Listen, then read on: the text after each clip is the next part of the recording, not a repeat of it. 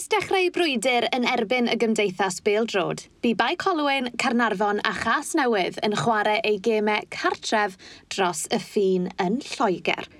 Ond ar yr unfed ar ddeg o ebryll 1995, oedd penderfyniad ar fi'n cael ei gyhoeddi yn yr Uchel Lys yn Llundain.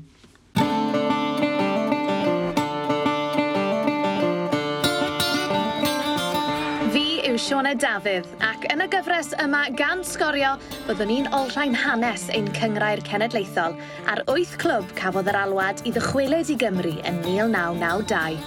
Fe glywn ni wrth y cefnogwyr a'r chwaraewyr oedd yno ar y pryd. Newn ni ddilyn hanes yr wyth clwb hyd heddiw a gofyn siwt mae pethau am newid i'r clybiau yn y dyfodol. Pryd oedd y, y clwb newydd yn dechrau, roedd um, un simple aim i mynd nôl yn y ffybolig. Uh, doesn't matter how long it takes. Dyma, dyma'r aim. And... Y preisiodd cas newydd angen ei dalu am yr uchelgais yna o gyrraedd y gyngrair beldrod oedd gorfod chwarae ei gemau cartre nhw o ddi cartref. Fel glywson ni gan Dave Roberts, cefnogwr cas newydd yn gynt yn y gyfres yma, oedd y clwb yn barod wedi gorfod chwarae ei gemau cartre nhw yn Morton on Marsh yn y Cotswolds ar ddechrau'r 90au. Felly pam mynd trwy'r un drwbl unwaith eto? I don't think there was any consideration of, of joining the League of Wales.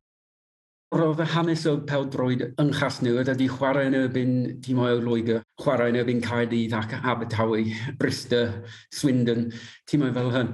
Ac the aim was to, to get back to there a gwellu, gwellu chwarae yn chaloel in exile ac aros yn y, y cystadleuaeth Saesnig na mynd mewn y League of Wales. Meadow Park, Caerloiw oedd cartre newydd cas newydd y tro hyn felly, ond sut nath hwnna effeithio ar y clwb? Mae clwb newydd cas newydd ydi built upon sort of us against them attitude ac oedd mynd i gael yw yn, yn pwysig iawn i um, creu yr, um, the, the feeling of us against them. Roedd, really, the same size crowd yn Charlow na, na Morton. Roedd Ffyngheim cyntaf gwylio Casnawydd yn erbyn Kings Lynn yn Charlow in 1993. Uh, probably 300 people in a stadium. Ond the, the bond between the, the team and the supporters was built then. People who ran the club were those people who went into exile and that, that made the club, well, yn fy marn i, made the club a lot stronger. Yn y frwydr yma rhwng y clybiau alltud a'r gymdeithas Bildrod, oedd angen personoliaethau mawr er mwyn arwain y gad. Yn chwifio'r faner i gas newydd oedd David Hando, cadeirydd y clwb, a bu farw yn 84 oed nôl y mis Ionawr eleni. Ie, yeah, mae'n ma dim exaggeration o gwbl i dweud bod heb David Hando dim Newport County. Mae fe like, utter legend o'r clwb. Heb cicio pel o gwbl. Roedd David Hando determined to fight yn erbyn y FAW. Ach, yn enwedig, um, roedd dyn Tommy Force uh, rhywbeth yn y, yn y FAW a dweud bod Casnewydd ydy no more Welsh than Gateshead that was that. That, that was the battle lines drawn. Dyn clever iawn ydy David Handel ac um, articulate ac um, dim person gwell i mynd i'r High Court a siarad na David Handel. Un arall o'r clybiau alltid oedd Carnarfon. mae Roberts dwi dwi'n di bod yn gefnogwr yn arfon nes diwedd yr 80au, dechrau 90au, ddys i dechrau cefnogi'n gyda'n fel oedd yr holl trefini'n dechrau efo yr FAW yn trio gael i, i muno ar gyngrair yn Cymru. So. Oedd Mark yno yn teithio i Loegr ar gyfer gemau cartre Cynarfon, ond beth oedd hanes y clwb yn chwarae yng nghyngreiriau Lloegr? Mi wnaethon ni symud i fewn i'r Lancashire Combination, dwi'n meddwl, wnaethon ni gythwyn gyntaf uh, o dan Jack Thomas cyn cadeirydd, oedd Jack yn gymaint o profil a unrhyw un, dwi'n meddwl, yn yr hanner cam mlynedd dweitha a mwy efo clwb Bildro oedd gen i lot amser i Jack. Fo nath mynd ar clwb i'r uh, strwythydd yn y pyramid yn Lloegr. Um, wrth gwrs, oedd ni gweld Rhyl a Bangor wedi gwneud yr un peth, so dwi'n meddwl cyn yn amser i, dyna beth y penderfyniad. Oedden nhw'n gweld, os oedden nhw'n mynd i llwyddo i, i mynd ar ôl y glittering prize efo mas ais yn dweud, na dros y ffin oedd y ffordd i wneud hynny. Um, ac wrth gwrs, dwi'n meddwl dechrau 70au nath hynny gychwyn Ond mi gatho nhw drwbl hefyd yn 76, mi ceiodd uh, y getia. Um, a dwi'n meddwl bod hwnna wedi bod yn rhyw turning point i trio ail sbrythuro hefyd. Um, os oes i sbio'r hanes y clwb, mae'n bron iddi fod diflannu. Yr un ffordd pan oeddwn ni gymryd dros o deudag mlynedd yn o bron i'r clwb diflannu. A ail gydiad yn cyfeiriad wahanol i'r clwb. Ti'n gwybod, so, Lancaster Combination, um, North West Counties wedyn, Northern Prem, amser nes i um, dechrau cefnogi nhw, oedd yn y Northern Prem, Premier Division, ac gathen nhw i um, relegated blwyddyn yna lawr i Northern Prem First Division. Ac oedd bai Colwyn yn dechrau cymeriad siap fel clwb yn un amser, so nhw'n reit o dan ni yn y blwyddyn gyntaf, a gathen nhw ddyrchafiad wedyn, yr ail blwyddyn, so oedd un yr un gyngred. So'r blwyddyn cyn i ni fynd yn actyd, oedd ni'n chwarae bai Colwyn wyneb yn wyneb tyfedd ar ddyn, a gathen nhw ddyrchafiad wedyn, dwi'n gofio passion i, ti'n So oedd hi'n amser reit diddorol, amser hynny. Dig gwir. A hyn, wrth gwrs, hyn i gyd yw'ch yn penna ni fel un Evans a pawb arall yn trio wsio'r genda wahanol. Gwariodd Cynarfon eu blynyddoedd alltud nhw yn chwarae yn Curzon Ashton, i'r dwyrain o Fanceinion. Oedd Curzon Ashton, oedd yn rhannu y cae hefyd, yn chwarae yn yr un gyngrair a Chynarfon, yn ail hain y Northern Premier League.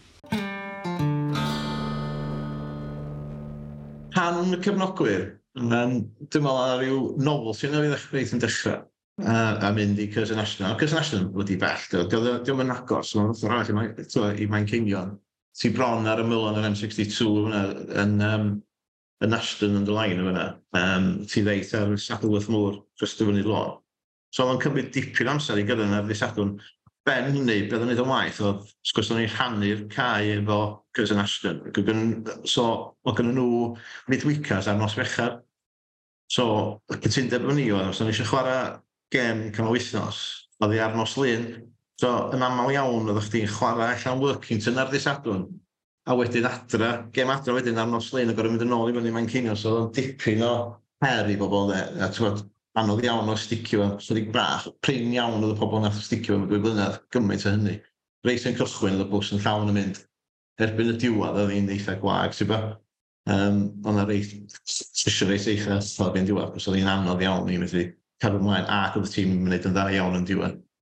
Um, Tan y chwaraewyr, y sgwrs amser hynny, yn groes i beth sy'n heddiw, yn clod i'r clwb yma heddiw, dal i fod, mae'r rhan fwyaf nhw'n Gymru Gymraeg, sy'n ag yn Gymru, Amser hynny, y rhan fwyaf chwaraewyr ni'n dod o ochra um, mae'n Mancinion neu fwy tebygol glan y merswy. So oedden nhw o trefeilio i mae'n Mancinion yn llai draffodd os rhywbeth nag oedd yn mynd i chwarae Gynarfon. So do hwnna ddim yn effaith mawr, di gwir. Ond um, rhan y wyrgylch y cae, do ddim yn cae braf, oer ar yr amser gorau. Um, oedd y clwb haws yn eitha oer ar brydiau, ond ti'n dod i wneud catra newydd, dwi. Ond y cos gyda i sefyll yn Cyrsen Ashton wastad i bod yn hoer, digwy. Oedd y daith i Cyrsen Ashton ar gyfer gemau cartre wedi dechrau effeithio ar y clwb. Felly pam nath Cynarfon frwydro yn erbyn ar alwad i ymuno gyda uwch gyngrau'r Cymru? So edrych yn ôl 30 mlynedd wedyn, a dwi'n gwybod dwi wedi deud hyn tal gwaith wedyn, dwi'n dwi meddwl bod ni'n dweud cangymeriad sbio yn ôl. Ond wyt ti yn rhan o ryw brwydr yn erbyn y pŵar mawr yn dibendi, ac oedd Gynarfon yn eitha hapus roedd nhw. Fel oedd bob un clwb arall digwydd, y Dre Newydd, a, pob arall digwydd, y Bangor. Um, ac oedd y mater ei gwyddor oedd o. Roedd gynnwch chi cynnydd ar y bwrdd amser hynny, dim just Emrys, Emrys Brace Jones, Dr Emrys Brace Jones, cyn prifathru fi, oedd yn, so, oedd yn gymaint o Gymru unrhyw person i'n agwyd, ac oedd Geraint Llodolan hefyd, yr cyn a chlerwydd, hefyd ar y bwrdd, ti'n bod? Um, Ac y mater o egwyddor oedd o'n hytrach na unrhyw egwyddor um, mwy um, gwleidyddol, os ddicyd i. Na cyfeiriad masnachol oedd hwnna, ac wrth gwrs yn y penderfyniad yn y eithaf lus, dyna be oedd y penderfyniad na, bod, freedom of trade, mae'n oedd i dwi'n meddwl e, ar y pryd. Ac dyna be oedd yn tu ôl efo. Dy'r rhan mwyaf cefnogwyr ni wedi bod yn cefnogi'r clwb es iddyn nhw penderfynu mynd i'r gyngred uh, yn Lloegar. Fel dweud, hold on, da ni wedi penderfynu yma 15 mlynedd o'n mwy, a da chi'n trio wan, bwys ni lawr i'r linell wahanol, da ni yn erbyn yn groes i beth da ni eisiau. A dyna, dwi'n meddwl, oedd tu ôl i'r peth. Ond, um, mi dda ni'n penderfyniad eitha anodd, gos nath ni sticio ddi reit i'r diwedd. Goedd Emrys ddim yn person i droi, de. Oedd o'n benderfynol, dyn clyfar, dar. A mi nath ni o beth dwi'n gofio'n iawn, o glwb oedd yn gwneud collad yn, yn, yn, yn aml iawn Nethon ni'n wneud elw yn y blwyddyn gyntaf byddwn ni'n chwarae'n Curzon Ashton. So oedden yn clod iddo fo yn unigol, sy'n ei ddweud. Cos bodd yr un oedd yn cwpio wythnos ar wythnos dod y pres i fo'n hefyd. Fel gyda David Hando yng Nghas Newydd, oedd na arweinydd clir gyda Chynarfon wrth iddyn nhw frwydro'r holl ffordd at yr uchel lys, a Emrys Price Jones oedd hwnnw. Doedd Emrys yn byw dros ffordd i fi, ac yn gyn brifathro i fi, ac oedd o'r un mor Lingard fel prifathro ac, o, ac unigolyn ag oedd e fel gadeirydd pel droed. Ac oedd gynnu fo ffordd garddull yn siarad a piswadio pobl. Yn aml iawn glwys yr araith gynnu fo. ddim byd i wneud efo yr, y cyfnod yma yn FAW, just yn siarad amdan yr angen i cael cefnogaeth i codi pres efo di. Oedd gynnu fo rhyw arddull arbennig i medru wneud hynny. Dyn articulus iawn ac yn, yn, yn, yn anger yn, yn, yn, oedd yn amlwg yno fo, ti'n a llym ddim i'w groesi de, dim i'w groesi o gwbl. Roedd gynnu fi lot amser o ddod y gwir. Oedd na un clwb arall oedd yn brwydro ysgwydd yn ysgwydd gyda Cynarfon a Chas Newydd yn erbyn y gymdeithas Bêl hefyd, Bai Colwyn, oedd yn chwarae yn y Northern Premier League. Mae Dilwyn Roberts erbyn hyn yn ysgrifennydd ac yn gyfarwyddwr gyda Clwb Pildrod by Colwyn ac yn esbonio fan hyn taw dim ond ers 1984 oedd y clwb wedi symud i'r gyngrair yna. Oedd yn had yn deithau blynedd yn ôl. Dwi'n yn siŵr os yn y 30au neu'r 40au oedden nhw'n chwarae yng Nghyngrair Birmingham ac yn mynd i gemau ar y tren. Ond wrth gwrs ar ôl y rhyfel, dwi'n meddwl pethau yn y 50au, pethau di newid ac oedden nhw, oedd na ddim cyngrair uh, cenedlaethol, a dyn oedden nhw'n chwarae yn, yn, yn yngrai Gogledd Cymru. Oedden ni wedi symud yn, i Lloegr yn 84-85, ac oedden ni wedi cael rhyw 5 neu 6 dorchafiad mewn 8-9 mlynedd. Ac um, y teimlad oedd, wel, dyma, yna rwan sicrwydd, dwi'n meddwl, oedd ynglyn â'r gyngau, gyngau Cymraeg, achos oedd na'n sicrhawydd y byddai yn llwyddiannus ac yn parhau. A tasan ni wedi gadael, dwi'n meddwl fos ni wedi cael mynd yn ôl i system Lloegr, a fos ni wedyn yn chwarae um, yn uh, safon, wel, lle oeddwn ni o blaen, oedd yn goesel o gymharu a lle, lle oeddwn ni canar i uh, y Gymraeg gael ei, greu. Fel gyda Cynarfon a Chas Newydd, bu rhaid i fai Colwyn fynd yn alltyd, a cafon nhw drwbl yn ffindo cartre hir dymor, ond roedd na gefnogwyr oedd yn barod i deithio. Uh, oedden ni yn um, chwarae yn, yn hen le Northwich, Northwich Victoria, Drillfield yn Northwich am flwyddyn, dwy flynedd. A wedyn, ar ôl hynny, mi athyn ni i um, stadiwm uh, rasio cwn yn Ellesmere Port cyn dod yn ôl, cael, cael uh, ennill y frwydr i ddod yn ôl i, i chwarae yn, yn Gymru. Roedd gennych ti rhyw canlynwyr oedd yn cefnogi pob peth, ac oeddwn ni yn mynd, ac oeddwn ni yn mynd ar o gant hefo ni pen oeddwn ni chwarae, ac oedd hynna yn dda i, i, i feddwl, achos oedd y, oedden nhw tri cefnu'r clwb yr holl ffordd. De. Ar gyfer y frwydr yn erbyn y gymdeithas, oedd angen yr arweinwyr fel David Hando ac Emrys Price Jones.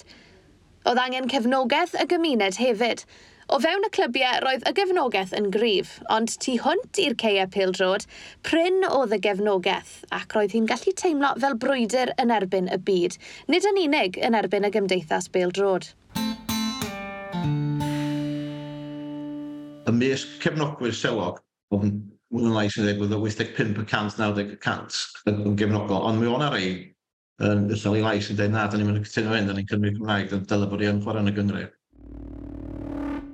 Wel, rhaid i ddweud, wrth gwrs yn bersonol ar y pryd, o'n i cefnogwr, o'n i ddim byd yn swyddogol fath fatha dwi rwan, ond fi'n gwybod bod na o leia hanner dwsin o'r cefnogwyr wedi mynd cyn bellad a rhoi y tai ar y lein i, i mynd i'r llys.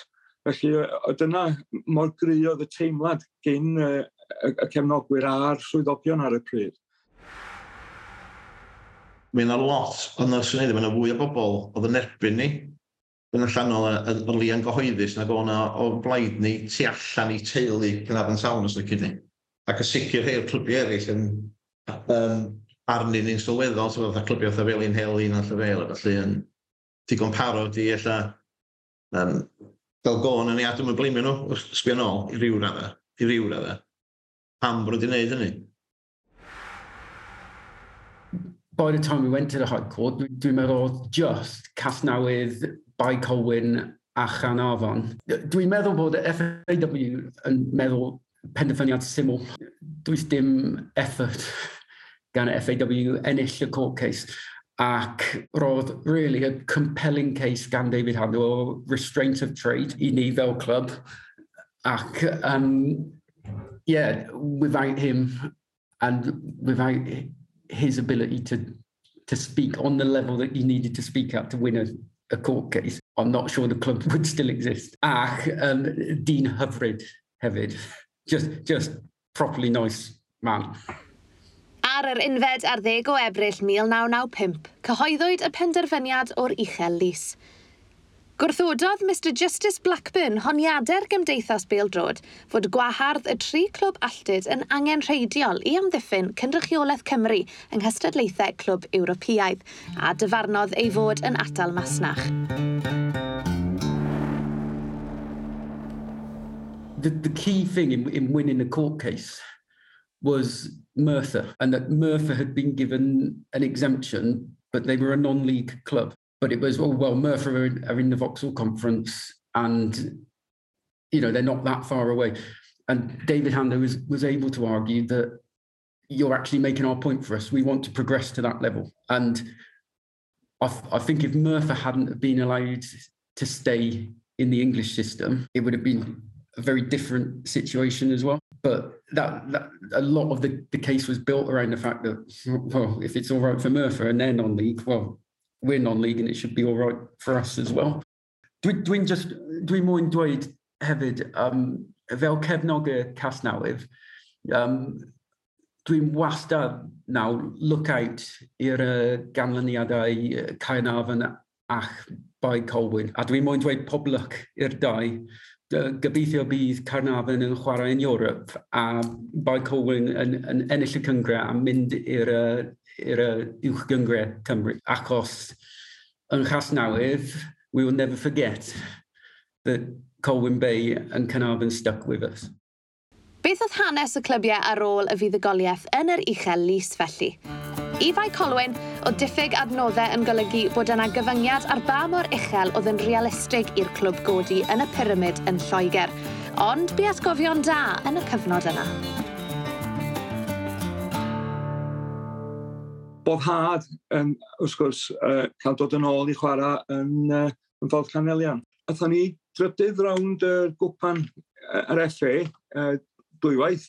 Ni'n chwarae Notts County ac ni chwarae... Uh, Wel, y rownd gyntaf, A'r un i'r trydydd rawn, mae'n rhoi gen i, ond athyn ni chwarae Notts County pen oedd nhw yn y Gymraeg Saesneg ac athyn ni cofio i, i, i Blackpool. Um, yn y diweddar, uh, 5-6 blynedd yn ôl, gathan ni dair blynedd, pedwar blynedd, yn um, y, y Conference North, sydd uh, just un gyngrair o, o Dan Rexham. So mewn ffordd, oeddwn ni dau dyrchafiad oeddwn ni o'r uh, uh, Lig Lloegr ond os gwrs, dwi'n meddwl fasa hynna wedi bod yn bosib i ni gael, gael ni ymlaen efo yr, y, cyfleusterau cyflestera sgyn ni am Mike Olwyn rwan. I Gynarfon, er ennill y frwydr yn yr uchelus, am gyfnod byr arhosodd y clwb yn chwarae yn Lloegr. Gafon ni flwyddyn wedyn yn ôl uh, Phil Wilson y reolwr yn ni. Um, ac oedd Emrys yn gadeirydd uh, am flwyddyn pan ddyn ni'n ôl. Um, Dwi'n meddwl, a dwi, do'n i'n rhan o'r clwb, digon agos amser hynny, ond fi yna holl yn y bwrdd amser hynny, yn diwedd y tymor. Cos oedd Phil Wilson yn, yn rheolwr arbennig, ond oedd o'n di cweith di wneud ti just about cadw'n penna yn y gyngre nath o'n i'n blwyddyn yna. A mi o'na, dwi'n meddwl, dadl di bod yn ynglyn ar faint o cyllideb i wario ar y tîm. A penderfynwyd rhain yn nhw'n cynnwys emrys i gerdded, a Geraint a un y ddau eraill ar ôl, a Eilian, a gymerodd Geraint yr penderfyniad dewr, dwi'n meddwl, i ddeud, rei, oce, okay, na'r unig ffordd ymarferol cywir i ni symud ymlaen felly ydy siarad efo'r efo gymdeithas bel droed. a gweld sy'n posibilwydd i ymuno nôl yn y, gyngre, ymuno yn y gyngreg. A dyna neithpwyd, at gwybod nes yna syrdig o cefnogwyr ni, deud sy'n beth sy'n bydd i wntio eto. Ond yn ara ba, ddoth bob un yn ôl dros y blynyddoedd, ti'n ba? Ond dyna, ia, blwyddyn gathon ni'n ôl yn prem, a wedyn mynd yn wedyn... John Aspinall wedyn cael ei penodi, oedd yn chwarae i'r tîm, cael ei penodi, a oedd John yn boblogaidd iawn yn y dau dymor gyntaf. A mi gathon ni'r um, ffactor ffodus iawn o gael Ifian Williams yn dod trwyd. Oedd yn un o'r hot gorau dwi'n roed i chwarae, wel, chwarae mewn Chris Melin yn gyda'n Oedd yn bari, wrth gwrs, amser hynny yn, yn drawiadol o faint mor blingar oedd nhw. Yr un mor blingar a DTNS, wan i ryw raddau, ti'n ba? Um, Ac oedd hi'n bron yn yn obeithiol i medru cystadlu efo nhw. Ond oedd da- dal i penna ac yn chwarae pel droed Tatws amser ni. Wedyn gathon ni relegaetio chydig o wedyn. Yy, Dwi'n cofio, sy'n ni lawr i'r, um, beth sy'n galw Cymru Alliance amser hynny. Ti'n gwybod pan oedd bod y mawth diwedd y ganrif bwythau? cyfnod yna, oeddwn ni, ni dechrau gael firmogaeth yn ôl yn y Cymru Alliance. Dyna ni ddiddorol, ac ath A.D. Jones, dwi'n meddwl, Doeddwn ni'n ôl i fyny, um, ac oedd o'n... Um, Gathen ni curo tri cwpan, dwi'n meddwl, os dwi'n iawn amser hynny. Ond rhwng Aspinall yn cael y sac a'r cyfnod yna, rhain iawn oedd yr cyfleoedd da a'r amseroedd da. Bod, mond yn y blynyddoedd dwytha yma, y tan eich tymor yma, da ni wedi gweld yn fath o ryw brwyddiant wedi bod a bod, her wedi bod y dorm yn dod yn ôl. Efallai mae wedi cymeru tan wwan i'r clwb lle gweld y gwirionedd o'r bydd o bod yn rhan o'r gyfundrefn yna. Mae'n cymeryd amser weithio dydy. Yr un ffordd, mae'n sy'n diddorol ydy, dwi'n gweithio yn maes um, um, adfywio ag busnes. Dwi'n cofio Gynarfon fel tre yn dachrau adfywio diwedd yr 80au, a mae wedi cymryd dros 30 mlynedd i Gynarfon fel tre adfywio a dod at ei hun. Dwi'n cofio yn dechrau busoli yn Doc Pretorion diwedd yr 80au, a dechrau tirlunio yn llefydd ar stryd y plas. Wwan, wel, ydy'r bwrlwm yn y Gynarfon. Dwi'n meddwl un peth efo mynd i fewn i Gyngre Cymru. Mae wedi cymryd tan wwan, dwi'n meddwl, i'r clwb ffindio'i draed a gwybod lle mae eisiau mynd. Mae'n dal beth eisiau gwneud, wrth gwrs, ond dwi'n meddwl bod yn well personoliaeth yna fel clwb wwan a sy'n rhoi wedi bod rhan rôl ni yn y Gyngre, os dyna'n ei sens. Felly, arhosodd Bai Colwyn yn chwarae pêl-drod non-league yn Lloegr ac fe ddaeth Cynarfon yn ôl i Gymru yn fuan ar ôl y penderfyniad. Ond fe ddechreuodd cas newydd siwrne athyn nhw i Wembley i wynebu Wrexham mewn gêm ail gyfle i gyrraedd y gyngrau'r bêl-drod yn Lloegr. Mwy am hynna yn y benod nesaf. Ar y rhifau nesaf, ni am neidio ymlaen at gyfnod deuddeg disglair yr uwch gyngrair yng Nghymru. Blynyddoedd da i rai o'r Irate a dyddiau tywyll iawn i rai arall. Fe glewn ni gan y cefnogwyr am dlysau a ddathliadau, ond hefyd am broblemau ariannol i fwy nag un clwb. Diolch i holl gyfranwyr y gyfres am eu hamser nhw. Eu stori nhw yw hwn. Diolch i chi adre am rando hefyd. Tan tro nesa, hwyl fawr.